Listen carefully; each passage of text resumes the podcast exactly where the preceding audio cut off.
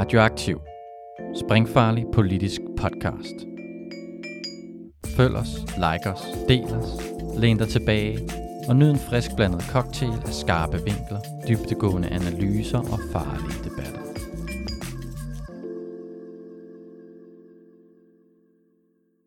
Med en ny jingle er sanger mere værdi tilbage fra sommerferien for at diskutere politisk økonomi på Radioaktiv. Jeg er jeres vært, Alex Arash Sankalai, phd i teoretisk fysik ved Lunds Universitet. Vi starter den nye sæson med et af de vigtigste spørgsmål for venstrefløjen. Hvordan skal vi organisere produktionen? To klassiske svar på det spørgsmål er enten det kapitalistiske frie marked, eller den demokratiske stat skal være central planlægger. Men der findes også andre muligheder. For eksempel er der en voksende diskussion, om man kan kombinere lighedsskabende demokrati med det frie marked, nemlig medarbejderejede virksomheder. Det er et emne, vi har haft oppe to gange tidligere her i Sanger med Værdi. I afsnit 10 med Puja Paksat og i afsnit 15 med Frederik Lassert.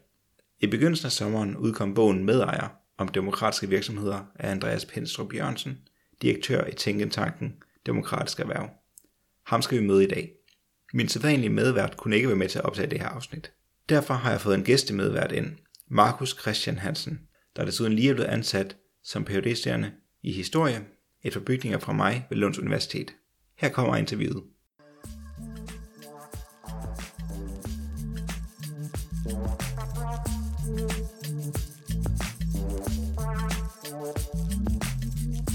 Velkommen i studiet til Andreas Pensrup Jørgensen. Du er direktør i Tænketanken Demokratisk Erhverv og forfatter til bogen Medejer. Det er rigtigt. Tusind tak for, at jeg var kommet.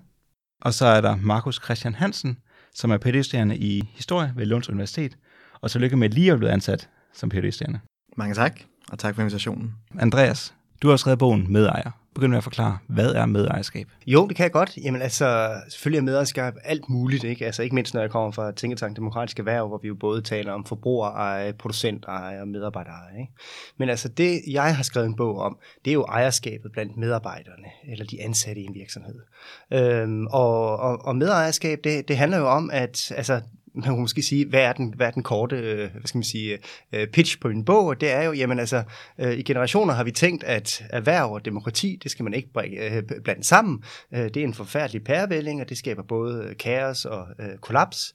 Men sandheden er bare, at den evidens og den forskning, der ligger på området, den peger i den fuldstændig modsatte retning. Det er faktisk, at når medarbejderne de ejer en del af virksomheden, og at de har demokratisk indflydelse, så klarer virksomheden sig faktisk bedre.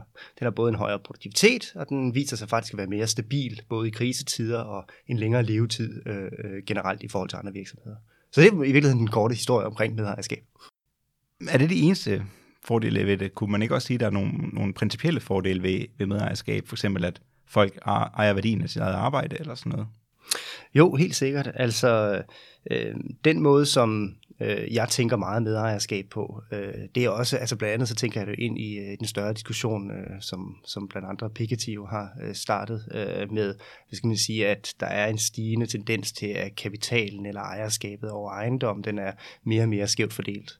Og øh, det medejerskab jo gør, skal man sige, er jo med til at fordele. Altså medejerskab gør jo, at øh, arbejdsstyrken i højere grad bliver medejere af hvad skal man sige, kapitalapparatet, som man i nogle øh, hvad skal man sige, teoretiske øh, retninger vil tale om, eller øh, produktivkræfterne, eller øh, hvad skal man sige, helt konkret øh, ejendom, altså en del af den, de, de, de finansielle øh, hvad skal man sige, strømme, som jo øh, i hvert fald over de seneste, ifølge Piketty, de over de seneste par 100 år har haft en nogenlunde øh, stabil afkast på omkring 4,5, mens vi kan se, at øh, hvad skal man sige, afkastet på arbejde, i hvert fald rigtig mange steder i verden, det, det, det har været for, for, for faldende.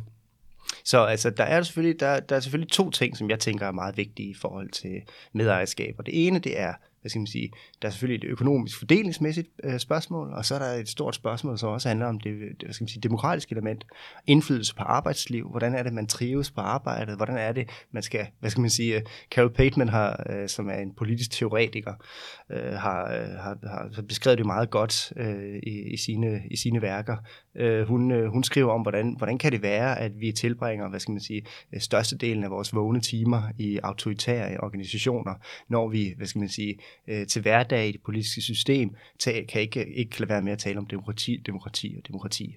Øh, og det synes jeg egentlig, hun har en, en, en nogenlunde god pointe i, fordi at ikke mindst når vi ved, at, hvad skal man sige, at medejet og sammenblanding af demokrati og erhverv, det faktisk er en, en rigtig fornuftig idé, både på øh, markedsindikatorer, men også på mere ideelle indikatorer, som du siger, på demokratisk indflydelse og fordeling af ejerskab og sørge for en mere, en mere forduftig og automatisk, hvad skal man sige, man taler jo mere og mere om præfordeling, en mere automatisk fordeling af ejerskab.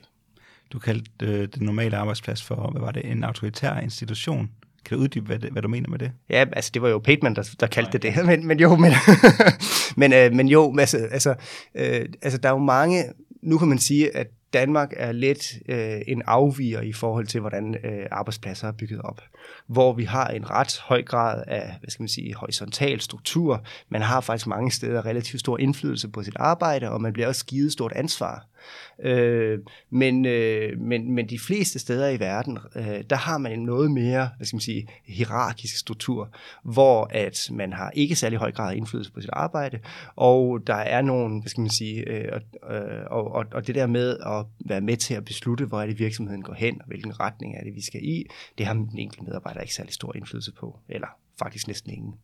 Øh, men det jeg egentlig tænker, altså det der er interessant, det er, at vi har ikke så meget medarbejdere i Danmark, men på mange måder, så virker det sådan ret absurd, hvis man både har en meget, hvad skal man sige, ikke hierarkisk øh, struktur, og så ikke også med, øh, øh inddrager medarbejderne i ejerskabet.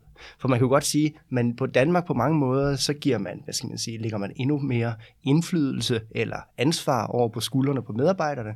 Men øh, den, der, den der ansvar, som man lægger på sku, medarbejdernes skuldre, den får medarbejderne ikke som sådan lov til at høste på den anden side i forhold til ejerskabet, og i forhold til, hvis, øh, hvis den, den, den, den indsats og den, indfly, øh, den, øh, det ansvar, de har taget på sig, det faktisk giver, hvad skal man sige, giver på det. Og det synes jeg selvfølgelig er, altså, øh, er synd, ikke mindst fordi vi ved, at det faktisk har en rigtig positiv øh, konsekvens for virksomheden generelt set. Hvis vi så skal prøve at se på noget medejerskab, så er det jo forskellige måder, vi kan skrue det sammen på. I din bog Medejer, der har du nogle forskellige eksempler på forskellige virksomheder, der har haft medejerskab på forskellige måder. Kan du opriste nogle af de hvad skal sige, vigtigste typer af det, og hvad deres fordele og ulemper er? Ja, altså det kan jeg godt. Jamen altså, normalt så tænker jeg, så, så, så taler jeg lidt om, at man kan, man kan tale om to, sådan, hvis man nu tager sådan et kontinuum i forhold til, hvad er det for nogle typer medarbejderejede virksomheder, der findes. Og øh, i det ene kontinuum, der har vi det, vi kalder medarbejderkooperativer, eller man kan kalde medarbejderkooperativer. Det er øh, virksomheder, som er fuldt ejet af medarbejderne, måske ovenikøbet er ejet sådan, hvad skal man sige, ikke individuelt, men kollektivt, så de enkelte individer kan som sådan ikke tage medarbejdere, øh, med, medejerskab ud og ind af virksomheden. Det er, det er sådan, at den altid, altså ejerskabet altid ligge i virksomheden til den kollektive gruppe af medarbejdere. Det er nok den ene altså sådan, øh, yder, yderpunkt i forhold til det her kontinuum af medarbejdere. I det andet yderpunkt, øh, der har vi det, der hedder medarbejderaktieprogrammer. Øh, altså, det vil sige medarbejderaktieprogrammer, som næsten ikke er udbredt, som måske bare en topledelse har, har adgang til. Og det vil være den anden del af medarbejderejerskab, hvor man ikke har det særlig bredt øh, i øh, virksomheden, men, øh, men, men, men dog har en mulighed for medarbejderne til at købe sig ind på den ene eller anden måde. Og det er måske de to ekstremer, altså hvor, hvor den ene, det der medarbejderkooperativ, et eksempel på det her i Danmark, det er jo virksomheden Analyse og Tal, som nogle af jer måske kender, øh, som, som faktisk også har, har ligeløn øh, og, øh, og arbejder. Jeg tror, de i dag, der er de omkring øh, Øh, 17-20 mennesker, har en, øh, en afdeling i, i, i Norge også nu. Og Analyser Tal, de arbejder jo med, med statistik og analyser af, af, for, for både fagforeninger, organisationer, det offentlige og, og efter, øh, hvad hedder det, forsvarets efterretningstjeneste for den sags skyld. Øh, så de laver social media analyser og, og en masse andet. Og i, det andet, i den anden ende, der kan man jo kigge på øh, øh, nogle virksomheder, som øh, altså i virkeligheden så, altså nu vil jeg nævne Novo Nordisk, men Novo Nordisk har jo faktisk et, et lidt bredere aktieprogram, så de befinder sig ikke helt ude i periferien, den yderste periferi. De har faktisk, øh, hvad skal man sige, tilbyder øh, medarbejderaktier til, til alle deres medarbejdere, øh, øh, hvorimod der er flere virksomheder, som, øh, som, som ikke har sådan nogle programmer. Øh, ja. Øh, jamen jeg tænker sådan lidt på, øh, for at gå tilbage til det her med arbejdspladsen som en autoritær institution. Jeg tænker bare på, om, der, om du måske har nogle tanker om, altså hvorfor arbejdspladsen er autoritær til at starte med. Altså hvad er det for nogle, hvad er det for nogle ting, der skaber de her autoritære impulser? Fordi de er jo også i Danmark, på trods af, at vi har en flad struktur, og de er meget mere til stede i andre lande, som du selv siger. Altså, jeg, jeg, jeg tror uh, i, i ret høj grad, at der er en sammenhæng mellem, hvad skal man sige, den helt konkrete ejerskab og måden, en virksomhed er ledet på. Øh, og, og det der med, altså det giver jo god mening, kunne man godt sige, i hvert fald indstillingen fra en virksomhed, om at der skal være hierarki, og der skal være styring af medarbejderne. Og det er lidt noget, jeg prøver at gøre op med i min bog, og siger sådan, hvorfor, hvorfor skal medarbejdere styres, eller skal de styres? altså øh, ideen om, at jamen, fordi at medarbejderne, de har jo ikke de samme interesser som virksomheden. Mm. Så bliver vi jo nødt til at styre dem, eller øh, hvad skal man sige, øh, skabe en særlig kultur, eller have nogle bestemte, altså nogle normer, der gør, at de øh, agerer på samme måde som virksomhedens interesse, eller, eller samme måde som, som ledelsen og virksomheden øh, øh, øh hvad hedder det, klarer sig bedre på. Eller sådan, ikke? Og det vi så ser, det er, at, øh, øh at, i, at, at, at, at i virkeligheden, så er det ufatteligt svært at gøre, uden også at inddrage medarbejderne i ejerskabet. Øhm, og, og, og det er ikke fordi, jeg tænker nødvendigvis, at medejer det er sådan en, hvad skal man sige, catch-all, eller bare sådan en, en golden bullet, uh, silver bullet, uh, i forhold til at, at, at løse uh, det problem. Men det er en ret grundlæggende størrelse. Øh, og det er faktisk den logik, som rigtig mange virksomheder fungerer på. Altså logikken om, at jamen, fordi medarbejderne de har andre interesser, de står jo som lønarbejdere i modsætning til ejerskab over øh, virksomheden, øh, så, øh, så, så kan vi ikke regne med, at de agerer fornuftigt eller agerer i virksomhedens interesse, og derfor bliver vi nødt til at have stærke strukturer eller styring på medarbejderne. Øh, modsætning til det, det er jo så, at man inddrager dem faktisk og sørger for, at de har en andel af ejerskabet, og både, hvad skal man sige, i perioder, hvor det går skidt, så kan være tilbageholdende, men også i perioder, hvor det går godt, så får noget øh, af, af, af lavkagen. Ikke? Øhm, men den konsekvens øh, er der bare ikke særlig mange, der tager i Danmark. Øh, og det, det, det, er et, det er et stort problem, ikke mindst fordi, at man jo faktisk allerede har den øh, hvad skal man sige, mere horisontale struktur og inddragende tilgang til Øh, øh, en arbejdsplads, øh, når man så ikke samtidig også deler ejerskabet med medarbejderne, så, øh, så er det et altså, kolossalt tab i virkeligheden, fordi at man allerede har de strukturer til at skabe det perfekte øh, medarbejdereje, øh, og den, den, den mere produktive virksomhed, som både kommer medarbejderne og, øh, øh, hvad hedder det, og virksomheden til gode. Jeg ved ikke, om det svarede nogenlunde på øh, de spørgsmål. Mm. Nu nævner du selv det her paradoks med, at Danmark har en meget flad struktur men vi samtidig ikke har så meget medarbejdereje, som man øh, måske kunne forvente. Kan du lige beskrive, hvor meget medarbejdereje ser vi for eksempel i USA og England, og hvor meget ser vi i Danmark? Ja, det kan du tro. Jamen altså, øh, øh, altså det, det, det bedste, sådan, hvis, vi nu, hvis vi tager sådan et, øh, et koldt, øh, evidensbaseret bud, ikke, så, så, så hedder det, så, så det sidste opgørelse, der har været sådan, sådan nogenlunde, øh, som, som, sådan nogenlunde sammenlignelig i hvert fald, det var i 2013, hvor Cooperatives Europe, de lavede en opgørelse. Og øh, her der, der, der så det sådan ud af i, i 2013, der blev øh, skabt sådan cirka 7.000 nye øh, kooperativer i Italien. I øh, Belgien var der omkring 650. Øh, I Sverige der havde vi omkring mellem 400 og 500 nye kooperativer om året. Og i Danmark der lå vi omkring 20. Og det der tal 20, altså det indebærer jo både medarbejderejede kooperativer, producentkooperativer, forbrugerejede kooperativer osv. Øh, og det er utrolig lavt, og det er også utrolig lavt i forhold til vores totale øh, hvad skal man sige, øh, øh, befolkningsmasse. Øh, I Storbritannien, der er det jo et ret udbredt fænomen. I 2009 under øh, David Cameron-regeringen, der øh, gennemførte man det, der hedder The Nuttall Review, som er blevet meget kendt internationalt, øh, fordi at det var, det var beskæftigelsesministeriet, der gik ud og sagde, hvordan er det faktisk med eje, det har indflydelse øh, på øh, virksomheden. Øh, og, øh, og det er et af de øh, større og første, øh, hvad skal man sige, øh, stats, øh, øh, hvad skal man sige, statsindsats for at undersøge, hvad er det medarbejdere kan. Og det de jo kom frem til, det var nogenlunde det, som jeg også skriver i min bog, at jamen, de her virksomheder ser ud til at være mere produktive, det ser ud som om, de faktisk er mere stabile, og medarbejderne, de er, de er ret tilfredse og glade med det, øh, for det. Og øhm, øh, Øh, efter det, så har man indført en række, øh, og det gjorde den konservative regering på det tidspunkt, en række, hvad skal man sige, øh, øh, øh begunstigelser for medarbejdere, ejere, ledere til at overdrage virksomheden til medarbejderne. Og det har faktisk betydet, at i perioden omkring 2014-2017, der har man set to cifrede vækstrater i medarbejderejede virksomheder, øh, antallet af medarbejderejede virksomheder. Det har faktisk været den hurtigst voksende virksomhedsform i Storbritannien. Altså fra en meget lavt øh, niveau, kan man sige. Men alligevel. øh, og derfor så kan du også læse i Financial Times, Times øh, inden for de sidste øh, øh bare øh, øh, par måneder om øh, diverse virksomheder, som har overdraget øh, deres ejerskab til medarbejderne, og som klarer sig rigtig godt med det. Øh, der er blandt andet, hvad skal man sige, det, det øh, britiske svar på årstiderne, øh, hvor man simpelthen har sagt, øh, hvor, de, hvor de simpelthen har sagt, jamen altså, øh, vores medarbejdere, de, øh, de, de udgør, hvad skal man sige, grundstoffet i vores produkter, så selvfølgelig skal de være medejere, og lige så stille så er, så er ejerskabet på vej over til, til 100% medarbejdereje. Så øh, hvad skal man sige, Nå, men så i, i, øh, i Storbritannien, der er en, en, en, en stærk, hvad skal man sige, stærkt fokus på medarbejdereje, og man har haft et stærk udvikling af nye virksomheder. I, øh, i, i, i USA, der startede man jo allerede i, 19, altså i 1970'erne med at indføre den her ESOP-model, øh, Employee Share Ownership Program, uh, som, uh, som er en, uh, som, som jo på det tidspunkt jo nok var en form for alternativ til noget pensionsopsparing, men lige så stille udviklede sig til den mest i virkeligheden progressive model for øh, medarbejdereje, øh, som, øh, som man ser i, Stor, eller i USA, og har betydet, at man i dag har øh, altså gik fra at have øh, nogle, øh, øh et, øh, et par hundrede stykker i, 19, øh, i 1970 til i dag øh, at have over 13.000 øh, hvad skal man sige, medarbejdere, øh, næsten, altså øh, hovedsageligt eller fuldt medarbejderejede virksomheder. Øh, og det er lidt overraskende, kunne man godt tro måske ikke, når man tænker på den amerikanske model og tænker sådan, nå, men altså, de, de har ikke altid været helt gode til at fordele ejerskabet øh, i sin befolkning, og det har de jo heller ikke.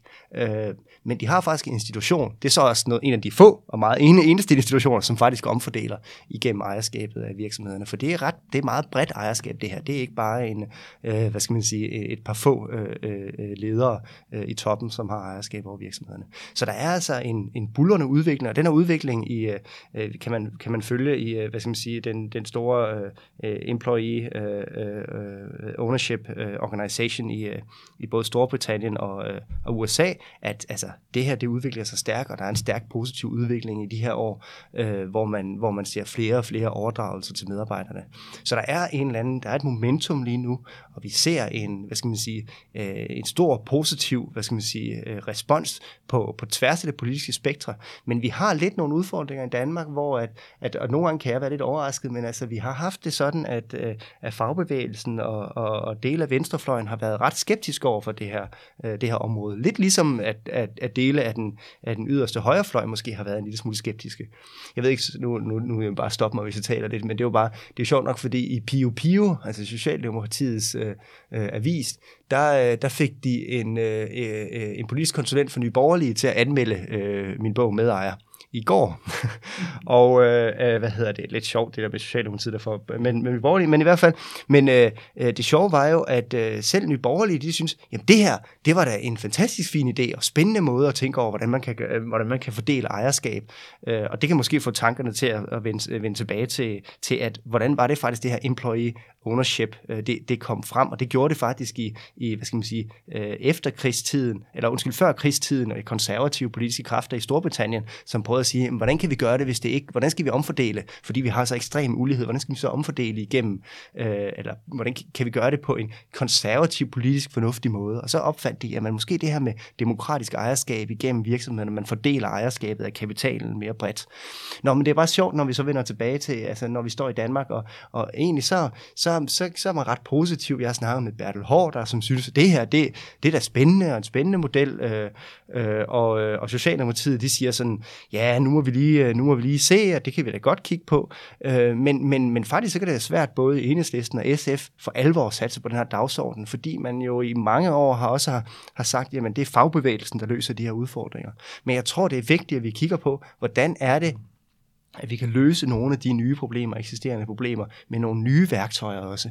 Øh, og der tror jeg, altså den rigtige måde, det er klart, altså et hvilken som helst værktøj, en hvilken som helst idé kan jo vendes til det, til det dårlige, men medarbejdereje, det kan være et værktøj, som faktisk, hvad skal man sige, øh, hvis, hvis det bliver skruet rigtigt sammen. Og det er jo der, hvor man skal politisk gå ind og være, øh, øh, øh hvad skal man sige, være, være, øh, være meget øh, øh, øh altså visionær og prøve at sige, jamen hvis vi skruer det her rigtigt sammen, så kan vi faktisk med støtte fra både højre og venstre få skruet en, en, en system sammen, som gør, at vi får fordelt velstanden mere bredt øh, blandt danskerne.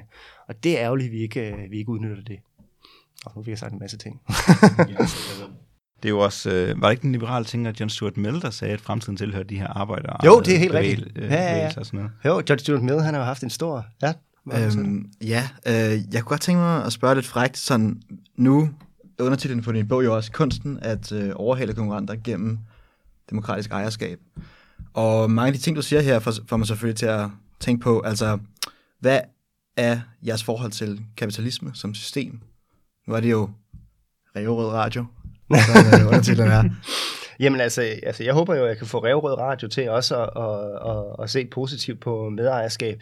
Men øh, hvad hedder det? Jamen altså, øh, kapitalisme, det kommer an på, hvordan, altså jeg ved ikke, jeg ved ikke, hvordan du definerer kapitalisme. Jeg, jeg, jeg er jo både skolet sådan i, i, i sociologi og økonomi, ikke? og ved, i økonomien, der tænker man jo bare som øh, kapitalisme, jamen det er et økonomisk system med et marked, øh, øh, øh, hvor, hvor kapital, øh, det skal, hvad skal man sige, det, det er med til at, at, at udvikle og skabe velstand, ikke? Og så har vi så har vi jo den mere, hvad skal man sige, sociologiske eller marxistiske, som siger sådan, jamen kapitalisme, det er et, øh, hvad hedder det, det er et økonomisk system, hvor øh, arbejderne, de sælger deres arbejdskraft øh, til øh, kapitalisterne, øh, øh, som ejer produktiv, øh, produktivkræfterne. Øh, og der er en naturlig udbytning i øh, kapitalismen. Øh, den er nødvendig for at skabe værdi og velstand, men, øh, men på tidspunkt, så må den falde til fordel for et nyt system. Ikke? så jamen, det var mere, jeg tænkte sådan, jamen, hvilken, hvilken model bruger vi? Og, og jeg har det sådan, at, jamen, og, og, og det, det, det, det ved jeg jo også, at rigtig mange venstrefløjs øh, teoretikere tænker i dag, de siger, jamen, den der radikale kapitalismekritik, eller ideen om, at kapitalismen øh, og markedsøkonomi, altså, det, altså kapitalismen tænkt som markedsøkonomi i hvert fald, at det skulle være øh, fuldstændig, øh, at, at det er noget, der skulle afskaffes, det, det er svært at tænke i dag. Altså i dag så markedet, det er noget, som, øh, som vi bliver nødt til at, at, at forholde os til, fordi der, der er i hvert fald mere og flere og flere studier og mere og mere forskning, der peger på, at markedet kan nogle ting. Øh, ikke som nødvendigvis man ikke også kan gøre på andre øh, måder, men at markedet ikke i sig selv nødvendigvis øh, skaber ulighed. Men det kan være, der er andre øh, hvad skal man sige, øh, ingrained politiske øh, organisationer, øh, i øh, hvad skal man sige, øh, øh, det, det økonomiske system, som blandt andet indebærer markedet gør. Så jeg tænker sådan, jamen i forhold til øh, medejer, så, så, så, så, så er udgangspunktet jo, jamen inden for det her, den her markedsøkonomi i hvert fald, inden for markedsøkonomiens øh, øh, grænser, øh, så er der nogle muligheder for at, hvad skal man sige, omfordele og skabe et, et, et bedre arbejdsliv for rigtig mange mennesker igennem medarbejdereje. Øhm, øh, det, det peger, altså, hvad det så peger i retning af for et samfund længere ude, det vil jeg lade som teoretiker tale om, øh, men, øh, men, øh, men, men, men, men jeg tænker egentlig, at det her det er noget, der kan, øh, altså, det er jo rigtigt nok, hvis man tænker som en slags jamen kapitalismen, som i øh, både markedsøkonomi og det politiske øh, øh, struktur, øh, den skal øh, hvad hedder det, øh, lægges øde, jamen, så er det selvfølgelig svært øh, at tale om medarbejdereje, i hvert fald inden for det system, der hedder et marked. Ikke? Mm. Øhm, jeg ved ikke, om det er et svar, eller nogenlunde. Det var... ja, altså, jeg, jeg hørte dig sige, at I vil gerne skabe en sådan mere effektiv kapitalistisk virksomhedsform med glædere medarbejdere. Jeg tænker, at vi gerne altså, skabe mere, en mere ja, humanitær, mere. jeg vil skabe hum, øh, altså, øh, en mere human, en mere human, øh, øh, ikke nødvendigt, altså øh, effektiv, jeg vil nærmest sige mere demokratisk kapitalisme, vil jeg så sige. Ikke? Altså en mere demokratisk og human øh, kapitalisme. Det altså på den måde, så er det, øh, altså, så tror jeg godt, man kan, altså så kan man da helt sikkert bekræfte, betragte det som et, øh, et reformprojekt, ikke? Mm. Andreas, du nævnte også tidligere det her med, at ven, nogle dele af venstrefløjen øh, har lidt anstrengt forhold, øh, forhold til medarbejderede øh, virksomheder, blandt andet på grund af, hvad betyder det for fagforeningerne. Så kan du komme ind på, hvad, øh, hvad kan fagforeningens rolle være i det her? Jo. Og hvad har det været i praksis andre steder i verden? Det synes, det, det synes jeg er en god idé. Altså, jeg har også selv, altså, øh, altså jeg må indrømme, jeg tænker jo også sådan, at vi skal, altså, jeg har det ikke sådan, at man skal jo bare øh, indføre medarbejdereje øh, øh, uden overhovedet at have nogen bagtanker, eller uden at have nogen, hvad skal man sige, øh, eftertanker og, øh, og, hvad skal man sige, en, en vis form for øh, fornuftig øh, stillingtagen, eller sådan, okay, hvad kan det her betyde, og hvilke konsekvenser kan det have? Det mener jeg helt sikkert, man skal, øh, og, og man kan også indføre det forkert, ikke? Øhm, men, øh, men, men hvis man tænker på, altså det der, det der har været udfordringen øh, i dag i forhold til fagbevægelsen, eller sådan, det, har, det har jo nok været meget, at man i Danmark har haft en mere traditionel måde at tænke, der er lønmodtagerne, og så er der dem, der ejer virksomhederne. Og vi skal helst ikke blande det sammen. Det er jo, det er jo den grundlæggende idé, der ligger her bag. Ikke? Fordi hvis lønmodtagere de bliver hvad skal man sige, ejere, jamen, så er de ikke lønmodtagere mere, og så, øh, og, og, og så er de jo ikke, hvad skal man sige, hvad, hvad gør man så som fagforening, og hvor hører de så til? Øhm, øh, øh, og, og det er jo teoretisk, at det, det er jo en teoretisk udfordring. Den ene. Den anden er, hvis lønmodtagerne øh, de bliver medejere, hvordan skal de blive det? Hvor skal de finde kapitalen fra? Er det noget, der sætter vores pensioner på spil? eller på, altså, som er jo en af fagbevægelsens store landvindinger, det er jo at få arbejdsmarkedspensionerne. Det er den anden udfordring. Øhm, nå, men, men det var ikke, det var ikke direkte det, du spurgte mig om, men i hvert fald bare for, for, for, at, tegne, øh, for, for at tegne banen op og sige, jamen altså, det er i hvert fald nogle af de udfordringer, som man har set på. Sagen er, og der vil jeg, måske, der vil jeg gerne sige, øh, øh komme sådan en lille anekdote fra, øh, fra min bogreception, øh, som vi holdt ude hos Logik og Co., øhm, som mange måske kender som øh, entreprenørvirksomhed på Nørrebro, øh, som er øh, kooperativ og medarbejderstyret øh, hvor Balder Johansen, som er den daglige leder, han rejser sig op, fordi at vi netop har det her spørgsmål om fagforeningers rolle på banen. Og Balder siger, nu skal I lige høre, at lave en medarbejderejet virksomhed, det gør på ingen måde fagforeningen overflødig. Fagforeningen har mindst lige så meget øh, øh, hvad skal man sige, øh, øh, øh betydning øh, som, som i virksomheder, hvor der ikke er medarbejdere. Og grunden til det, det er, at et hvilket som helst kollektiv der vil individers rettigheder, øh, vil der være en risiko for, at individers rettigheder, de vil blive tr- øh, trumfet. Og sådan er det også i medarbejderejede virksomhed. Altså selvom man har et kollektiv, som, øh, øh, så, øh, som er, måske gennemsnitligt gør det bedre og har bedre trivsel for medarbejderne generelt, så vil et kollektiv også satse benhårdt på kollektivets interesser. Og kollektivets interesser er ikke altid individets interesser. Og derfor så har du brug for en fagforening, der også kan sikre, at de enkelte individer i virksomheden, de faktisk, altså at man faktisk lever op til nogle grundlæggende standarder for, øh, om det er, øh, hvad skal man sige, at man faktisk får, øh, hvad skal man sige, faktisk bliver behandlet ordentligt, at man får de lønninger, der skal til. Øh, der kan jo være forskellige situationer, hvor folk i forhold til fyringer eller, øh, øh hvad skal man sige, øh, eller konflikter på arbejdspladsen, pludselig står sådan, at de står i, i et markant mindretal øh, på arbejdspladsen. Og der har man brug for nogen til at, hvad skal man sige, repræsentere dem. Og der er vigtigt at have et andet kollektiv, der kan repræsentere det individs interesser.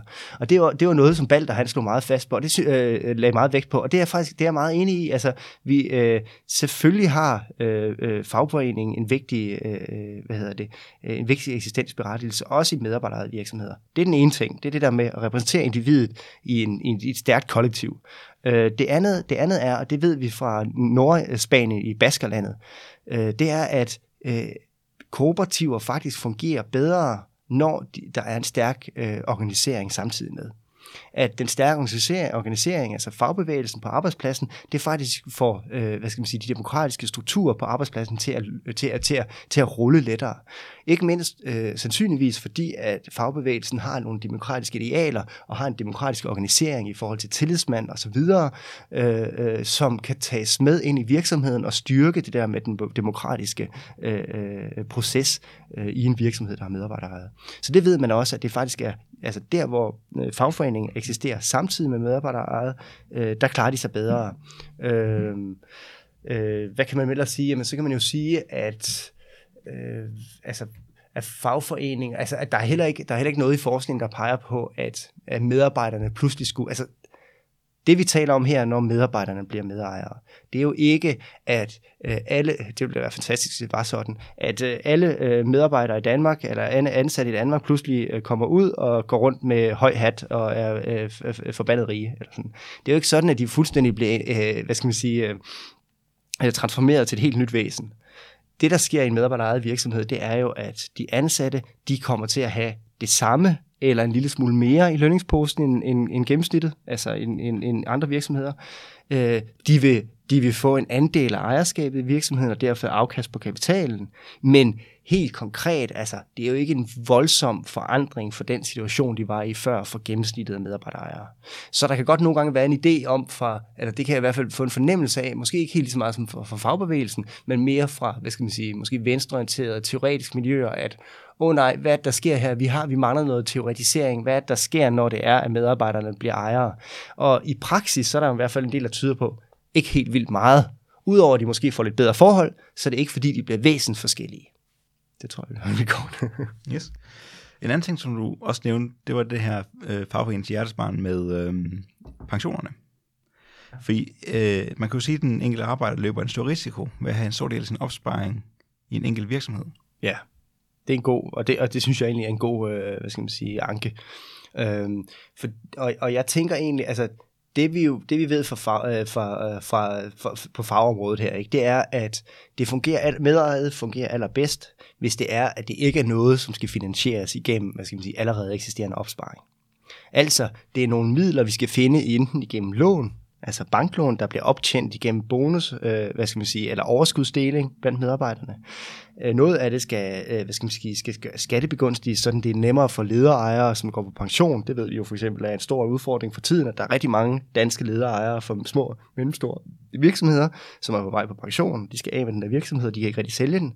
Altså, at de kan overdrage den til medarbejderne på øh, øh, bedre vilkår, end de ville gøre, hvis de solgte det til andre steder, men at, øh, øh, at medarbejderne så overtager det gennem et lån, hvor de køber det op, Øh, øh, over tid, over længere tid, så de ikke direkte kommer til at skulle have mange, hvad skal man sige, eller, eller nogen af deres sparepenge øh, af. En anden mulighed, det er jo også, at de lægger en lille del, en lille del af deres løn til side øh, øh, hvert år over en længere periode, så man ligesom øh, optjener ejerskab i virksomheden.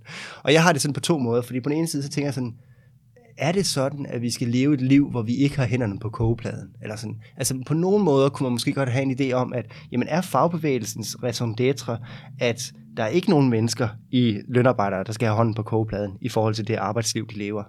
Øh, og jeg ved ikke, om det nødvendigvis er et, øh, hvad skal man sige, at det er et øh, altså ideal, er det, er det måske okay, at der er øh, et eller andet på spil i arbejdslivet også. Ikke sådan, at jeg tænker, at det er meget vigtigt, at man skruer sådan en her model sammen, sådan at man ikke pludselig står og har hele sin opsparing øh, opsparet i virksomhed eller sådan noget.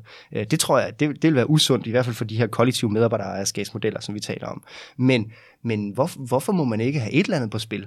Altså, er det imod, hvad skal man sige, øh, en øh, socialistisk eller venstreorienteret tankegang, at, hvad skal man sige, at folk også har noget på spil, så længe man har en velfærdsstat, der, kan, der også kan tage, tage, tage vare på det, hvis, når det går galt, så det ikke kan gå alt for galt. Altså, det er jo, det er også, en, altså, det er jo, det er også et spørgsmål. I må endelig udfordre det, hvis I vil. Men det, det tænker jeg, det er, et vigtigt, altså, det er nogle vigtige overvejelser, man i hvert fald skal gøre sig.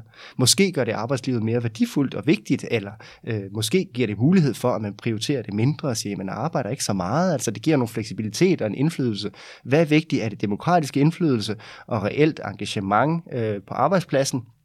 I dit arbejdsliv, som for mange mennesker i hvert fald øh, fylder meget, øh, øh, øh eller er det sådan, øh, hvad skal man sige, øh, ingen, ingen øh, øh, direkte hånd på kogepladen, intet engagement på arbejdspladsen, arbejdspladsen bare et eller andet sted hen, hvor vi skal øh, som en møtrik i et hjul øh, øh, fungere. Ikke? Og hvor at, at jeg tror, det er jo ikke fordi, det skal være sådan alle steder, men jeg tænker bare, måske skal man have mulighed for at vælge det til, at vælge det der arbejdsliv til, hvor du faktisk har hånden på, kogepladen, på, på kogepladen og er med inde og har noget altså på spil. Og det, øh, måske det er meget godt. Øh, altså, jeg, jeg tænker selv, øh, nu er der øh, måske en lille smule øh, mere venstreorienteret i forhold til det her projekt, men mange af de her ting, du snakker om, som er problematiske ved nuværende virksomhedsformer, og som også kunne være udfordringer øh, for de her medarbejder, medarbejderejede virksomheder, øh, de udspringer ligesom af, vi har et system, hvor, øh, hvor vi har et marked, som folk skal producere til, øh, og nogen skal sælge deres arbejdskraft, og nogen skal producere ting, som kan sælges til en profit, øh, og det gør det ligesom i konkurrence med hinanden. Altså, det, som driver meget det her, det er, at man skal ikke blive udkonkurreret. Og det er klart sådan til stede også i nogle af de ting, du siger sådan med, det handler om at skabe mere konkurrencedygtige virksomheder, øh, så man kan udkonkurrere andre øh, virksomheder, som så vil så også være medarbejderejet i, den ideelle verden øh, tænker jeg. Så jeg sidder bare og, og funderer lidt over sådan, altså, hvor mange af de her problemer i virkeligheden, der måske ligger i øh, selve det, at vi lever i et samfund, hvor at øh, alle ligesom skal producere i, i konkurrence med hinanden, og ikke så meget i, øh, ja, i at, at der er nogle specifikke mennesker, der ligesom bestemmer. Altså det er ligesom en mere, øh, hvad kan man sige, det er en lidt mere upersonlig struktur, som i virkeligheden skaber nogle af de her problemer. Altså hånden på kogepladen for eksempel. Altså hvad, hvad, hvad betyder den metafor? Det betyder jo, at hvis det går galt, så mister du jo måske ja, en del af din opsparing, og du mister dit job, og så videre, så videre.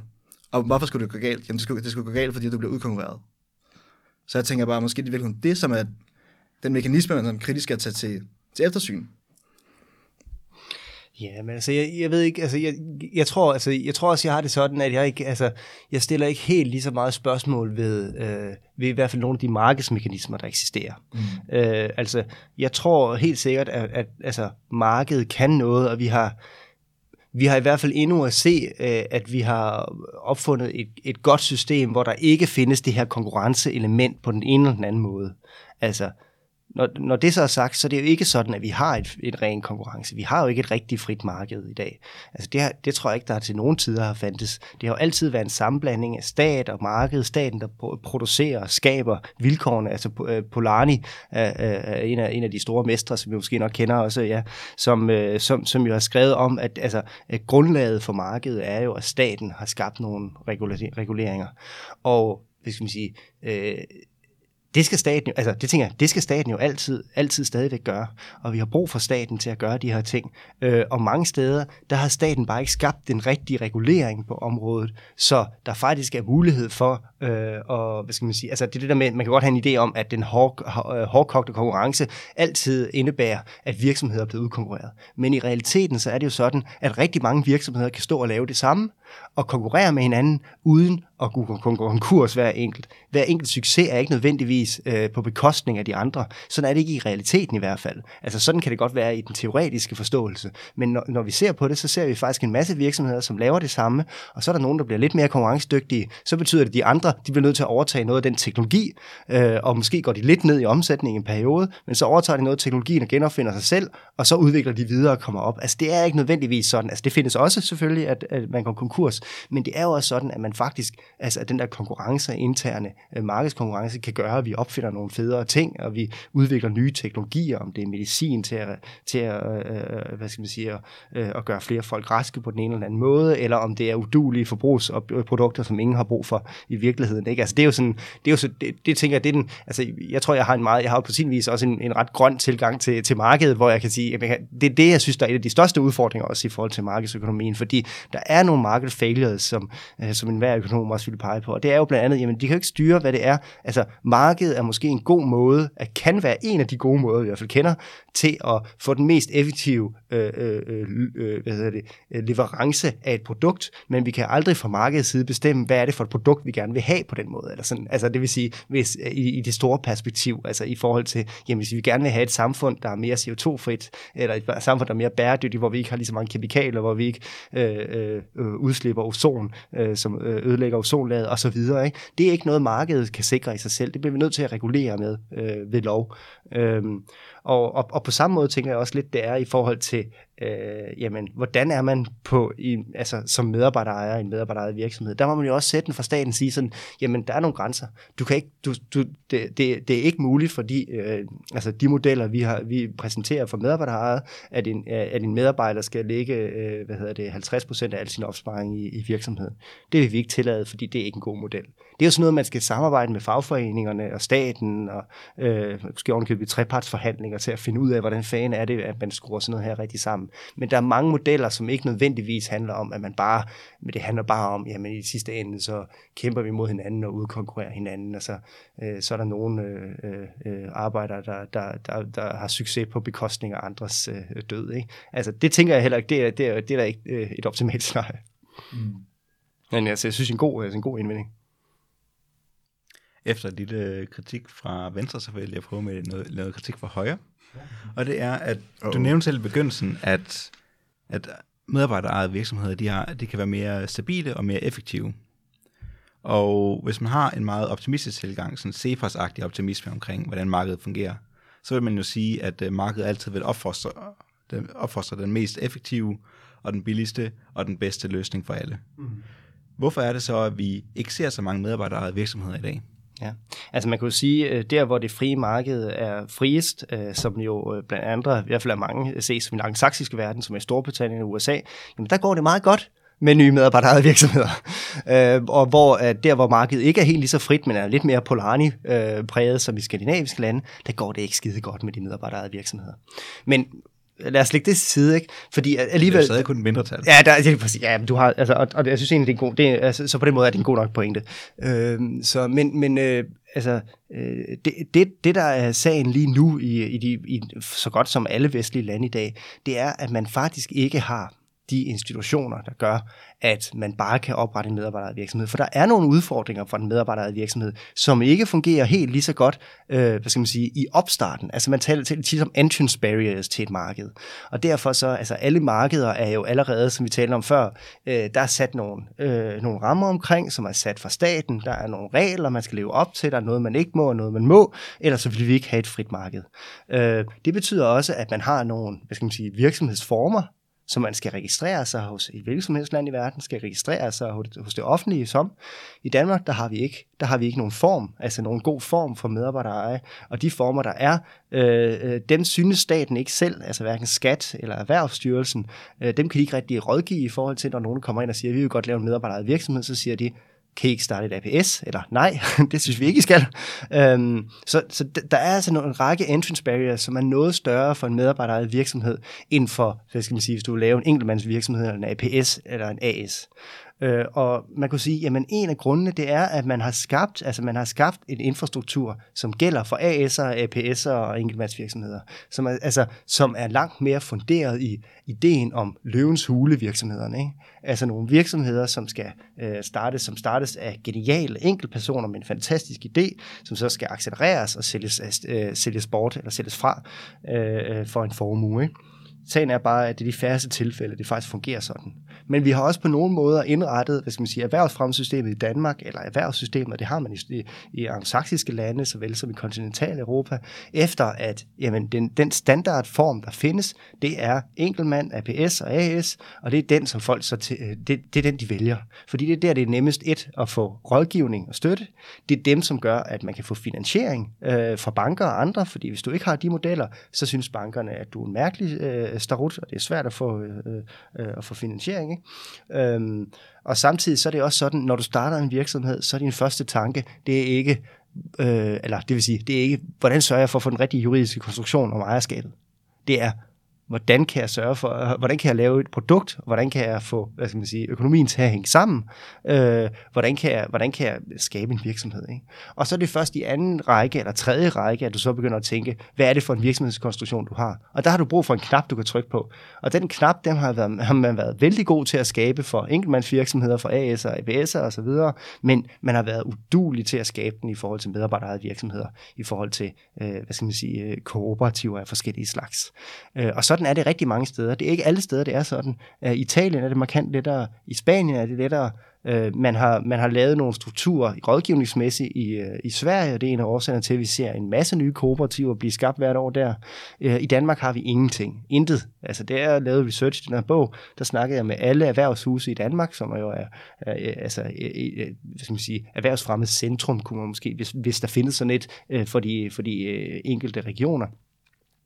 Og hver gang jeg spurgte til dem, jamen altså, hvis jeg godt kunne tænke mig at starte et, et, et AMBA, eller en andelsvirksomhed, eller en medarbejderejet virksomhed, så øh, øh, blev de fuldstændig blanke. Altså, de, de var sådan, de ville meget gerne øh, hjælpe, de er søde og rare, det er nogle gode mennesker, vi har derude, men det har de aldrig hørt om før. Altså, og øh, altså, vi, der er også en sjov anekdote med altså, øh, øh, øh Knowledge Worker, som jo også er en, øh, en kooperativ virksomhed her, i er en medarbejderejet virksomhed, øh, som hører til inde på Kultorvet.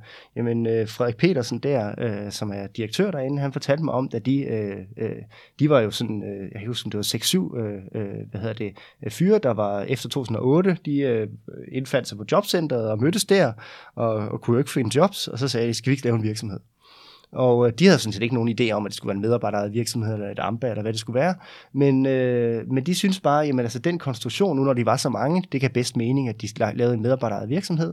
Og så gik de ind til, og så, så prøvede de at spørge, jamen kan vi lave en AMBA? Og så blev de pludselig indkaldt til skat. Så kan man godt være sådan lidt nervøs, når man bliver kaldt ind til, en for fanden. Og så blev de sat ned med, øh, hvis man sige, en række konsulenter og jurister, øh, som så sagde til dem, nå, men det, øh, det lyder jo godt med den virksomhed, men øh, kan I ikke øh, lave en øh, APS i stedet for en, øh, en, en AMBA? Og så siger jeg sådan, Nå, det ved jeg så ikke. Og, og, og de var lige ved at vælge, jamen det må vi hellere gøre. Men så besluttede de sig for at spørge, vil det sige, at det er helt umuligt at lave en AMBA?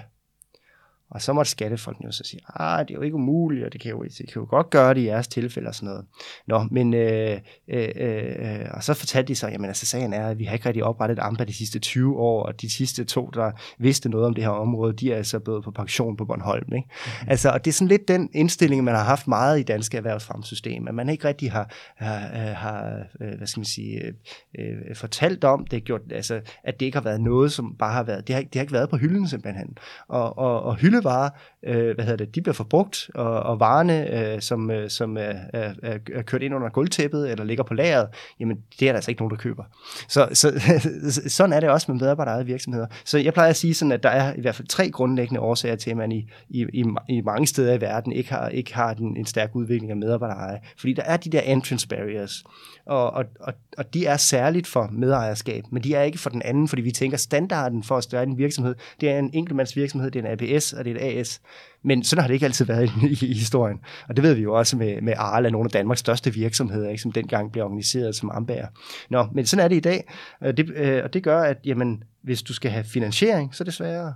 Hvis du skal have rådgivning, så er det sværere. Og når du skal vælge virksomhedsform, så er det ikke nemt.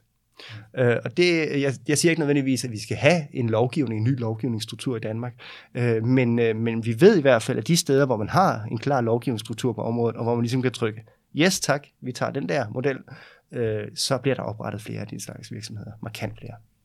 Vi har et tidligere afsnit med Puja Paksat, hvor vi snakker om demokratisering af erhvervslivet. Ja. Og der kommer han også ind på enhedslistens forslag om at oprette en ny juridisk form, netop mm. for medarbejderejede virksomheder. Ja. Så lidt til lytterne, hvis I gerne vil høre mere om det her. Super godt.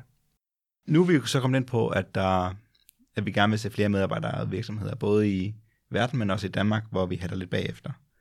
Øh, I sammenhæng med udgivelsen af en bog og hele lanceringen af tænketank og sådan noget, der har der været snak om øh, løfter fra politikerne om, at øh, det er noget, man gerne vil se på.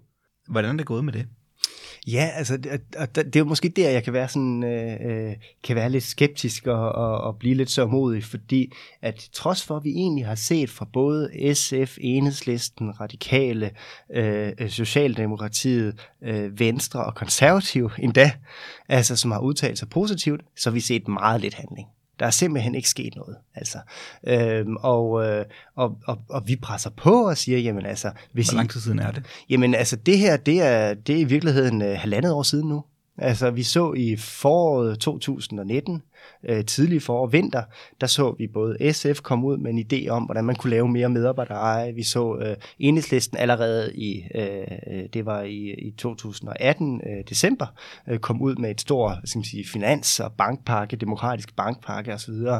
Øhm, men det er som om, og jeg ved ikke, om det har noget med personsager at gøre, at der er nogle folk, der har, der har forsvundet, men det er som om, at, at man har ikke helt øh, øh, i hverken øh, i nogle af de her øh, hvad skal man sige, organisationer rigtig taget fat i tæten. Og man kan, man kan godt overraskes lidt, ikke, ikke mindst fordi, altså, man kunne måske sige, jamen, øh, øh, altså, hvis vi, nu er vi jo et program for, for lidt mere for venstrefløjen, ikke her, men, men så, så, så lad mig være lidt hård ved nogle af venstrefløjspartierne her, hvor, hvor man, man skulle jo synes, at altså... Det er helt i orden. altså, øh, jeg kunne godt have det sådan, at jeg tænker jo, at det er meget lige til at tænke det her ind i en venstrefløjspolitik. Det, det, det, der, der er rigtig mange gode grunde til, og gode måder, hvor man kan etablere og skabe medarbejdereje, som lever op til mange øh, øh, venstreorienterede idealer. Men det der med faktisk at prioritere det, og gøre det til noget, som man gerne vil rykke på, det, altså, det, det har haltet. Øh, vi, har ikke, vi har ikke set øh, nogen rigtig vilje om at gøre det til en hovedprioritering øh, hos nogle af venstrefløjspartierne, og heller ikke Socialdemokratiet. Øh, og det synes jeg egentlig er pinligt. Øhm, og, og, og noget, øh, også fordi, at vi har set et stort potentiale i det andre steder. Noget af det kan jo have at gøre med, det kunne være forfærdeligt, hvis det er derfor, nu skal jeg ikke spekulere for meget, men lidt kan det godt, altså at man, at man jo i virkeligheden, øh, at, er der vælgere i det her, ikke? Altså, det har der nok ikke været tidligere. Det har ikke været et område, hvor folk har været sådan, hey, det her det er noget, der skal på dagsordenen og så videre. Og det kan jo også godt gøre, at det er noget, som politikerne ikke fokuserer helt lige så meget på.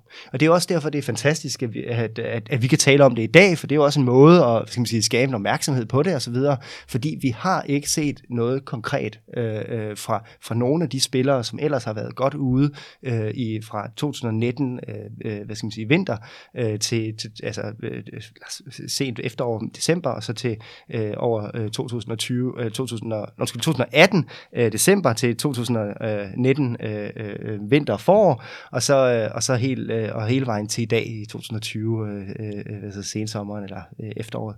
Og øh, altså, vi mangler noget. Og, vi, og, og det synes jeg, vi, øh, vi, øh, altså, vi har foreslået, har været, øh, hvad skal man sige, ret overskueligt. Altså, det har været sager om, hvorfor skal vi ikke finansiere noget forskning på det her område? Skal vi ikke sørge for, at vi, at vi faktisk ved noget på det? Altså, de sidste øh, de sidste forskere, der har udgivet noget seriøst på det her, det har været øh, Gorm Winter, som udgav i, jeg tror det var 72-73, øh, en, en bog øh, omkring medarbejdere. Ikke? Altså, undskyld, hvad sagde jeg, 1992, 93, øh, ikke, ikke, ikke helt tilbage i 70. Øh, men, men alligevel ikke, det er jo, altså for fanden, det, er, det er jo 30 år siden, ikke? Altså det, øh, og, og, og siden har der nærmest ikke været noget næsten ingenting i dansk forskning. Altså det der med at smide nogle forskningsmidler den vej, kunne gøre noget. Det kunne gøre noget at få oprettet en, et ekspertudvalg måske, som prøver at kigge på, hvordan kan vi gøre det nemmere for de her slags virksomheder. Altså for fanden, dansk, øh, dansk erhvervsliv er jo bygget på ryggen af store, de, øh, stolte demokratiske foretagender. Arla, Tise, danske boligforeninger, almene boliger, øh, forsikringsselskaberne, LB Forsikring, Tryk osv., som har sikret lave priser og gode kvalitet produkter, så vi ikke har haft på samme måde, hvad skal man sige, som andre steder i verden, nogle, hvad skal man sige, ret skrupelløse øh, virksomhedsforetagender, som man ikke har kunne regne med. Vi har haft nogle, øh, i hvert fald nogle good guys i, øh, i, i, i klassen her i Danmark, på grund af det kooperative system. Og det er vi bare fuldstændig for, forladt, altså at, at være med til at sørge for, at det kan fortsætte. Den eneste grund til, at det stadig eksisterer i dag, det er fordi, at de har været fantastisk succesfulde i alle de her brancher, altså og, og klaret sig skide godt. Det er satme ikke fordi, at politikere har sørget for, at der har været gode muligheder, eller gode, øh, øh, øh, gode gode øh, betingelser for, at der kan vokse nye frem. For vi ser jo næsten ikke nogen nye i Danmark. Det var, hvad politikerne kunne gøre. Ja, det er rigtigt. Ja. Hvad, øh, hvad med for eksempel fagforeninger, hvis du, hvis du opfordrer dem til noget, eller andre former for ting i samfundet? Hvad, andre muligheder i samfundet, fordi det er jo ikke kun gennem politi- politikerne, forandring kommer. Nej, nej, og det er jeg helt enig i, og det, øh, altså, nu vil jeg også bare skose dem, fordi vi, det er dem, vi tænker normalt, der skal, der skal gøre noget. Ikke? Altså, jeg tænker i virkeligheden, at øh, der er jo mange af de demokratiske virksomheder i dag, som også kunne gøre noget øh, sammen, på samme måde som fagforeninger. Men, men lad os tage fagforeningerne. Altså, øh, fagforeningerne i dag, de har jo et, de har jo noget, nogle, nogle penge, de har jo nogle midler, Øh, og øh, jeg har tænkt på, om man ikke skulle prøve at lave et samarbejde mellem de eksisterende demokratiske virksomheder, fagforeningerne og staten, og lave en form for erhvervsdemokratisk investeringsfond. Altså simpelthen, simpelthen Øh, lave, altså vi ved fra forskning, at det her, det, det, det er nogle ret fornuftige investeringer, og sørge for, altså udfordringen er jo, hvis du starter en demokratisk virksomhed og får eksterne øh, øh, investeringsparter ind, så vil de jo gerne have en indflydelse, øh, demokratisk stemme, og det, det stemmer jo ikke så godt overens med andelstanken, kunne man sige. Øhm, men hvis man laver sådan en investeringsfond, lidt ligesom vi har en social investeringsfond, eller social kapitalfond i dag, men laver sådan en erhvervsdemokratisk kapitalfond, som faktisk er inde og sige, jamen vi har altså her, lad os sige, 200 millioner millioner kroner, måske øh, 500 millioner kroner, hvis vi gør det rigtig stærkt og stort. Jamen, og de her penge, øh, det er nogle penge, vi laver, vi har sat til side til, at virksomheder, som er baseret på et medlem i en stemme, øh, de faktisk kan, kan, kan, kan, kan låne de her penge, ikke? uden at der nødvendigvis skal være de samme krav om hvad skal man sige, direkte indflydelse og ejerskab af virksomhederne. Øh, der tænker jeg, der kan vi gøre, det kunne vi, der kunne vi komme rigtig langt. Og det, det vil fagforeningerne kunne være med til. Derudover så kan fagforeningerne også være med til at gå ind og sige, jamen, altså, de er jo en, altså, en, en stor succeshistorie i, dan, i dansk erhvervsliv. Der er ingen tvivl om, at de har sikret lønmodtagere nogle fantastiske rettigheder og, og vilkår. Øh, øh, det, det, det, det tror jeg i virkeligheden langt de fleste danskere er enige i. Øh, spørgsmålet er så, om øh, hvad skal man sige, fagforeningsmodellen også er omstillingsparat. Fordi det betyder jo ikke, at vi bare skal have, altså det er jo ikke, sagen er jo ikke, at vi går i retning af, eller tænker, der skal være, nu skal vi op og have sådan, at 70 procent af alle virksomheder, skal være medarbejderejet, men, men er i hvert fald, at fagforeningen går ind og siger, jamen der er altså nogle, en række nischer her, hvor vi går ind og tager ansvar for, at vores medarbejdere kommer godt igennem det generationsskifte, der er for de små og mellemstore virksomheder, ikke? og siger, jamen et af, en af de værktøjer, og noget vi ved, der virker, det er medarbejdereje. Og der går vi ind og støtter dem til at gøre det. Altså, hvis fagbevægelsen kunne have nogle succeshistorier på det her område, hvor de har været med inde, og måske ovenikøbet skaber rådgivning, eller altså investere i viden omkring det, ikke? Øh, for, for medarbejderne, jamen så, så føler tillidspersonerne og folkene ude på arbejdspladserne så også mere trygge, når de ved, at de har en fagforening i ryggen, der siger, jamen det her, det er, det, det lyder fornuftigt, det kan, vi, det, det, det kan vi godt hjælpe med til. Ikke? Altså noget, som jo er sjovt, det er, at man under krisen, der lavede man det der medarbejderinvesteringsselskab, man lavede en særlov, øh, som skabte en helt ny virksomhedsform, øh, som, øh, som i virkeligheden er blevet brugt én gang øh, siden, så vidt jeg, jeg, jeg, jeg ved. Øh, og, og, og det er på Bornholm øh, af en Danish Crown øh, derovre, øh, som, som handlede om, at øh, medarbejderne de kunne indskyde en del af, øh, skal man sige, af deres lønninger, øh, eller sætte lønninger ned, så det blev indskudt som en form for kapital, som de så fik afkast på, og som de så fik tilbage øh, senere i forløbet, efter man har effektiviseret virksomheder osv., og så kunne man fastholde arbejdspladserne der. Øh, men altså, og, og, og, altså så, så, så på sin vis, så i krisen, der viste fagbevægelsen, at vi kan, godt, vi kan godt rykke og skabe en meget specifik lov, men den lov, Øh, øh, hvad hedder det, den, den var ikke med til at skabe en række nye medarbejderede virksomheder, og den var ikke baseret på den forskning på området, som sagde, hvordan skulle man skabe sådan en lov, for at det faktisk øh, blev relevant øh, alle steder i samfundet. Øh, og det kunne fagbevægelsen i høj grad være med til at presse øh, på på. Hvis fagbevægelsen var positiv for det her, så ville Socialdemokratiet også være det, og så ville vi på meget kort tid have en lov. Øh, eller i hvert fald have nogle øh, øh hvad skal man sige, øh, retningslinjer for, hvordan sådan noget her kunne ske. Hvis man skulle spørge lidt mere spekulativt, og det er et stort spørgsmål det her, og jeg regner ikke rigtig med, at, at du sådan med kan svare på det med autoritet, men tror du for eksempel, at hvis alle virksomheder øhm, var kooperativer eller øh, medarbejderejede, øh, ville vi så kunne undgå sådan noget som for eksempel en ny økonomisk krise eller en ny finanskrise? Mm. Men, det synes, men det synes jeg egentlig er et meget godt spørgsmål. Altså, øh, hvad kan man sige? Altså, i forhold til forskning på området, så, øh, så, så peger alt jo på, at de er mere, øh, hvad skal man sige, at, at de er mere stabile, både beskæftigelsesmæssigt øh, og økonomisk set. Øh, så øh, altså, øh, højst sandsynligt, så vil man jo have nogle helt andre interesser repræsenteret i virksomhederne, end man har øh, ved den økonomiske krise. Altså, øh, I dag er det vel også øh, almindeligt anerkendt, at man har haft nogle lidt øh, perverse incitamentstrukturer, øh, som blandt andet var med til at, at skabe krisen. Men, men, men, men, har, har, ja, det er rigtigt. Der, der er i hvert fald mange, der er mange af dem, der ikke er ændret, og man har, og, og man har jo også et, altså et, et, et, et, et banksystem, som måske ikke har fået helt den, øh, hvad skal man sige, øh, reformation, der skulle til. Øh, men, men, men hvis vi nu kigger på, øh, øh, altså det, det, grunden til, at jeg, jeg væver i forhold til det her, det er fordi, jeg også tænker, at det, det der i hvert fald er en stor forskningskonsensus om nu her, det er, at det havde meget også at gøre med et bestemt banksystem. Altså det her, det som øh, det refraktionelle banksystem, som, som, øh, som øh, var bygget på at kunne, hvad skal man sige, øh, i virkeligheden øh, producere flere og flere penge, uden nogen, hvad skal man sige, for stærk kontrol på det her område. Og spørgsmålet er jo, om altså medarbejdereje har jo ikke så nødvendigvis så meget at gøre med finansielle institutioner som banker. Men hvis vi nu sagde, hvis det her skete alligevel, altså øh, bankerne øh, øh, øh, hvad skal man sige, gik, øh, gik konkurs, og det skabte en øh, kædereaktion, øh, ville virksomhederne så i højere grad sikre, at der ikke hvad skal man sige, øh, kom økonomisk krise. Og det vil jeg sige, at forskningen på den nuværende tidspunkt vil sige helt klart ja.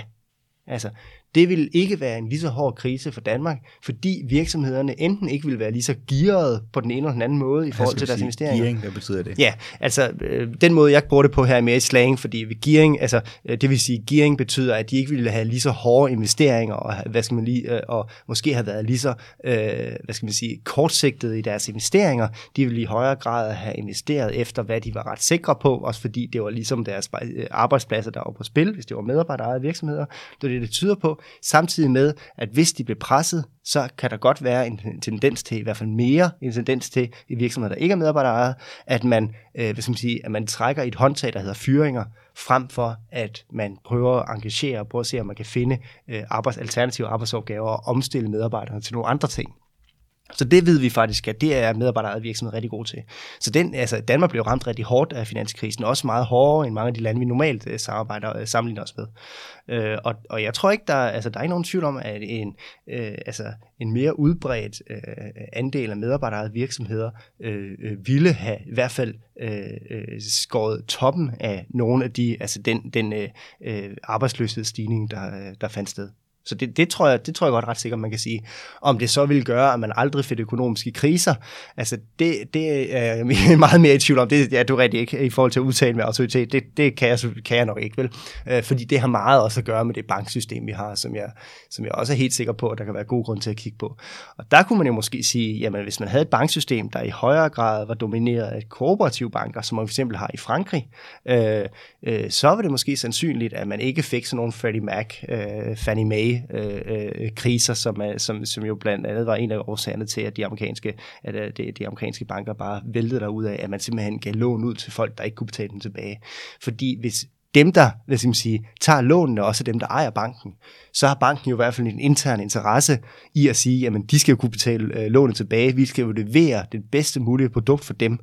Øh, og det system har man ikke særlig mange banker i dag. Vi har det i nogen øh, i Danmark, og, øh, og markant flere end mange andre lande, øh, men, men det er jo ikke, altså, det er jo ikke standard. Altså, man kunne godt synes at sige, altså, jeg kunne godt have det sådan, at jamen, en bank som Danske Bank, spørgsmålet er jo, jamen, øh, hvad nu hvis en bank som Danske Bank, som er too big to fail i Danmark, den var forbrugerejet? Hvordan ville den så have ageret? Kunne man forestille sig, at den var mere institutionelt eller strukturelt i hvert fald anderledes i sin tilgang til, hvordan man investerer, hvordan øh, hvidvask, øh, hvad skal man sige, hvordan man sikrer imod hvidvask og så videre, ikke? og hvor og pengene kommer fra? Den nyeste skandale, hvor de har indkrævet ulovlig gæld, eller hvad man lige skal formulere, hvor de indkrævet gæld, som folk havde betalt tilbage. Og det, der kunne man jo godt forestille sig, at, at en demokratisk eget virksomhed øh, det, altså, ikke det, havde gjort det samme. Lige præcis. Man kunne i hvert fald forestille, altså man kunne forestille, når du har en bestyrelse, som er, som er valgt af, af, af brugerne af banken, ikke? Altså, hvad, hvad vil de så prøve at repræsentere? Frem for, hvis du har en bestyrelse, der er valgt af investorerne i banken. Selvfølgelig har det en konsekvens.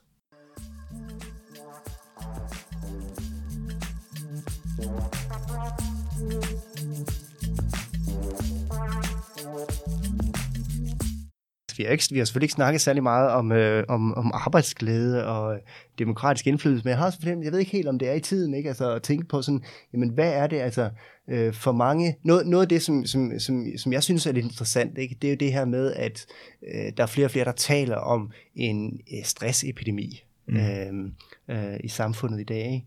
Og det, det, noget af det sjove er, og det har vi ovenkøbet klinisk betegnelse for, det, øh, det er, at, øh, at man, man, man, kald, man kalder jo en af årsagerne til den her øh, stressepidemi, det, øh, der kalder man isostrain. Altså at medarbejdere øh, er, hvad skal man sige, øh, øh er, har presset, altså der er højere pres på arbejdsmarkedet, på arbejdskraften, du skal levere mere på kortere tid, eller der forventes mere af dig på den tid, du arbejder, samtidig med, at du ikke har særlig stor indflydelse øh, på dit arbejde. Altså de to faktorer sammen kalder man isostrain, og vi ved, at det er en af de, altså en af vigtige faktorer i hvert fald, både for, øh, for tidlig, altså øh, for, i forhold til levetid, og vi ved også, at det har vigtig indflydelse på, øh, på stress, øh, altså sygemeldinger og reelt stress.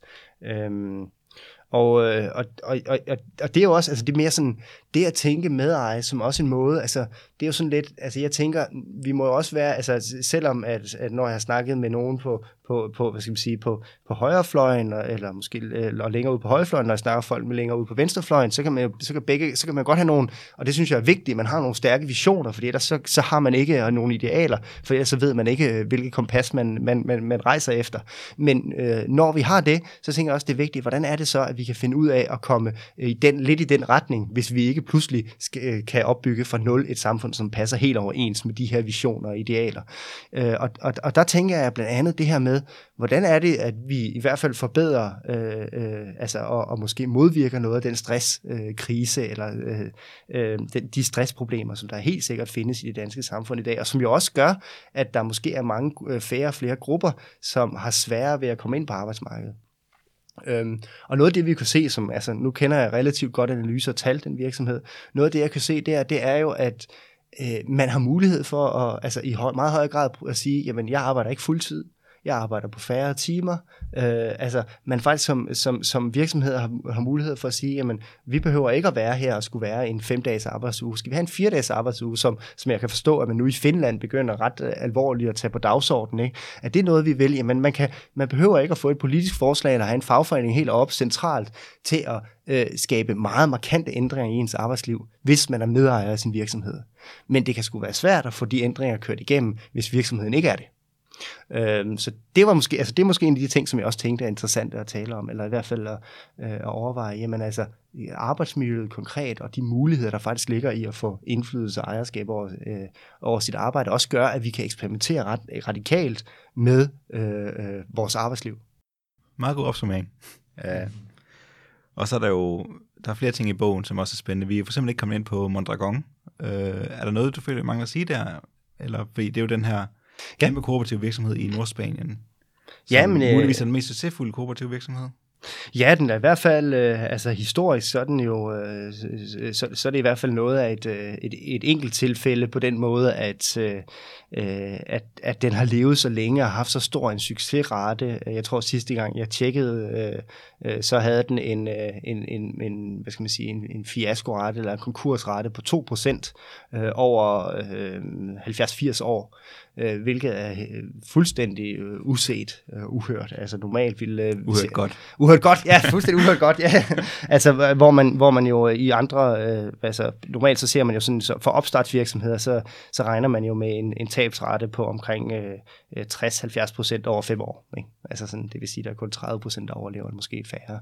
Øhm, og, og, og Mondragon har altså kun en, øh, en, øh, hvad skal man sige, en tabsprocent på 2, 2 procent. Mondragon er jo så et, øh, altså er jo en, en særlig størrelse og en meget sjov øh, konstruktion, øh, som, øh, som startede i det nordlige Baskerland og faktisk blev, blev støttet og sat i gang af en præst, der hed Arimendi Diarreta, øh, øh, som kom ind i, øh, i 20'erne og blev, blev placeret, eller fik et præstekald i, øh, i Mondragon, øh, som er en lille by oppe i bjergene i Baskerlandet. Ikke? Øh, og på det tidspunkt synes jo, at altså, der var meget fattigdom og armod, øh, og alle folk i, i byen, de arbejdede på en, øh, en, en, en nøgleproducent eller låseproducent, øh, og, og, og fik ikke de bedste lønninger. Og da de så øh, øh, foreslog i, øh, i den der virksomhed, nøgleproducent, at, øh, at ledelsen, de skulle da have medejerskab, så sagde Adi, øh, Adi Mendes, Adi Mendes, lad os kalde ham det, fordi det, det er andet lidt for langt, Adi Mendes, så foreslår han, jamen skal vi ikke, øh, hvad, med, hvad hvis I nu, altså præsten var en vigtig figur i sådan en by, ikke? hvad nu hvis øh, alle medarbejderne fik medejerskab? Og så sagde lederejerne, fandme nej, det skal de ikke have, det er kun lederne, der skal have det. Og så blev øh, Arimendes øh, øh, sur. og, og så gik han sammen med nogle af de, øh, altså så havde han hørt flere, der også var utilfredse med det af, af, af arbejderne der, og, øh, og talte med dem, og, og sagde, jamen hvorfor, ikke, øh, hvorfor skal, vi ikke, skal vi ikke starte et kooperativ? Øh, og det ville de godt. Og der gik ikke lang tid før, at de opkøbte et eksisterende firma, øh, 6-7 medarbejdere, og skabte en, øh, en ny øh, øh, producent af ovne, var det så her. Øh, og pludselig tog det fart. Og i løbet af de næste to årtier, så er de blevet flere hundrede medarbejdere og, og, og, og decener øh, af, af nye virksomheder. Øhm, og de begyndte at oprette deres egen skole, så de kunne lave øh, universitet også, og de startede med at have deres eget hospital og bankdrift, øhm, øh, så de kunne investere i virksomheder flere. Og i dag så har de jo mellem øh, omkring 170 mellem 170 og 200 nye virksomheder, øh, som, øh, øh, altså, øh, som producerer alt fra brillestel over øh, medicinal øh, øh udstyr øh, til, til forskellige øh, øh, busser og, øh, og biler. Øh, så, så man har sådan en meget, altså både tung industri, men du har også et konsulenthus, som findes overalt i, i verden i dag. Øhm, og, og, og det, det har vist, altså ikke fordi det, det har også udfordringer, altså det er ikke nogen tvivl om, fordi det, er ikke, det har ikke været nemt heller at blive, komme ind på en globale scene og stadigvæk fastholde ejerskabet. I dag så ved vi, at der har, altså de, havde også, de blev også hårdt ramt af finanskrisen i 2008, øhm, og, og, og, og det var en af de største, hvad skal man sige, udfordringer for, øh, for Mondragon ind til dato, det er der ingen tvivl om. Øh, men har klaret det rimelig, rimelig godt igennem øh, alligevel. Øh, nå, men, men, men, det der, men det der er, det er jo også, at altså, den internationalisering har også gjort, at de har flere medarbejdere ude i udlandet, som ikke er medejere. Og det der med spørgsmålet er, når man bliver international, hvordan sørger man så for, at nye medarbejdere også bliver ved med at være medejere? Så i dag, så, så tror jeg nok, at ejerskabsprocenten, øh, altså øh, Mondragon, eller antallet af medarbejdere, som også er ejere, det ligger omkring 60-70 procent. Så vi er sikkert oppe på 100, som det har været tidligere. Eller i hvert fald nærheden, fordi der er også noget med, at der kan gå en periode, før man bliver med, medejer. Ikke? Øhm, men, øh, men, men Mondragon er helt sikkert altså et meget spændende eksper, altså, øh, eksempel på, øh, hvad, hvor langt medarbejdere kan gå, og hvor stærkt øh, produktiv, altså der har været mange studier, der har vist, øh, at Mondragones virksomheder har vokset hurtigere end sammenlignelige virksomheder i området, øh, og, og, og de har klaret sig bedre øh, i forhold til stabilitet, og de har leveret bedre lønningsforhold osv. til medarbejderne generelt.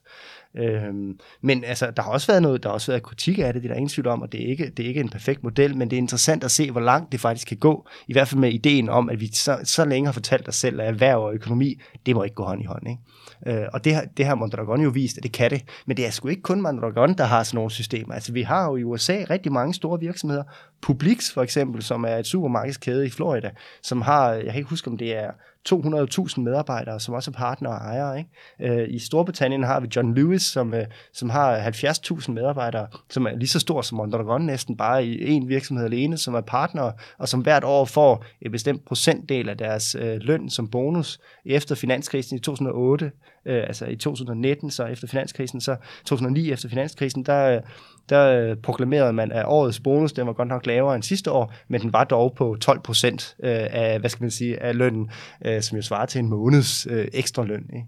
Øh, og det her, det er altså folk, der arbejder ved kassen eller i, i, i tøjmagasinet osv. Og få en ekstra måneds løn, det er ret voldsomt. Øh, ikke mindst fordi lønningerne i den, de, i den klasse, den ikke, de ikke er sat i høje forvejen. Og det betyder altså ikke, at lønningerne er lavere for dem, øh, for folk, der arbejder i John Lewis. Så altså, det er big business, og det er noget, der fungerer rigtig godt, og det skal vi forstå, og derfor skal vi også i Danmark sørge for, at vi har flere af de her. Jeg tror også, det skaber et samfund med mere solidaritet og demokrati. Altså, det var måske det næste, jeg ville tale om, hvis det var. Altså, at der faktisk er ny, flere studier, der peger på, at de steder, hvor man har medarbejdereje i virksomhederne, der har det også en spillover-effekt ud i samfundet omkring at man ved, at folk engagerer sig mere i foreningslivet og politiske liv omkring, når det er, at der er demokrati på arbejdspladsen. Og det tror jeg da fanden, hvis det er, at du går på en arbejdsplads, hvor du ingen indflydelse har i 8, 9, 10 timer hver dag. Ikke? Altså i modsætning til, hvis du går et sted, hvor der faktisk forventes noget af dig. Det er ikke fordi alle har, altså det, vi taler ikke om rundkredspædagogik eller ideen om konsensusdemokrati her overhovedet, vel? Altså det handler om, at du altså helt banalt, på, som på mange danske arbejdspladser, faktisk har en indflydelse på, hvad du laver lokalt, men så også har en indflydelse på organisationens retning, strategi og, øh, og, og måske ovenikøbet indirekte i hvert fald på, hvem det er, der leder dig. Altså, og det, og det er også et sjovt øh, øh, fund i, hvad skal man sige, i faglitteraturen, det er, at nogle af dem, der støtter allermest op øh, om virksomhederne, det plejer jeg at fortælle meget, når jeg er ude og snakke med virksomhedsejere, siger, at dem, der øh, støtter mest op om, virks- om, om, om, om medejerskabet for virksomheder, der er medarbejderejet, det er direktionen direktionen er de største støtter, og dem, der vurderer medarbejderejet, det er klart, det, det, det er det vigtigste, eller det, det, det har den største værdi for virksomheden det er ikke medarbejderne selv. altså, øh, og, og, og det kan man selvfølgelig godt se på som et, altså, er det, er det tvækket svært, eller er det faktisk fordi, Øh, at, at, øh, at, at medarbejderne ikke nødvendigvis oplever den kæmpe store øh, øh, forskel i deres hverdag. Måske tjener de lidt mere, øh, måske øh, øh har de lidt bedre forhold, men det er svært nødvendigvis at, at vurdere, fordi hvis de har arbejdet der hele deres liv. Men, men, men direktionen, som ofte skifter noget mere blandt virksomheder, de har jo oplevet at være i andre virksomheder, og hvordan det kan være at være et sted, hvor du altså hvor du skal sætte folk i arbejde og, og, og kan have svært ved at sætte dig selv i øjnene om morgenen, når du skal hen og sige, nu skal I fyres, eller nu skal I gøre det her arbejde, nu skal I arbejde hårdere for, når du ved, at de ikke også på den anden side høster, hvad skal man sige, i de gode tider høster resultatet af det. Ikke? Øh, så det tror jeg faktisk har en, altså det er nok en af årsagerne til at have sådan en positiv effekt for, for mange af, af, af, lederne på de her virksomheder.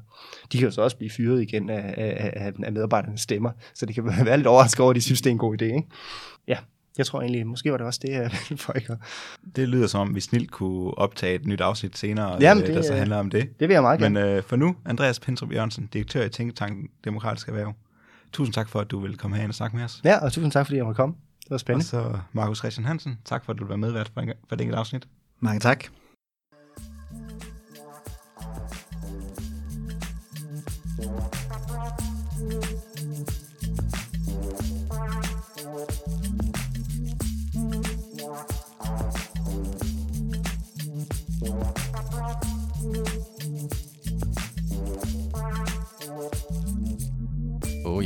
Inden du smutter, husk nu lige at følge Radioaktiv. Vi er på Facebook, Twitter, på SoundCloud eller i din podcast-app. En række af vores podcasts udkommer også som video på YouTube. Du må også gerne dele os med dine venner. Hvis du er ellevild, så kan du gå ind på solidaritet.dk og blive medlem af vores medie.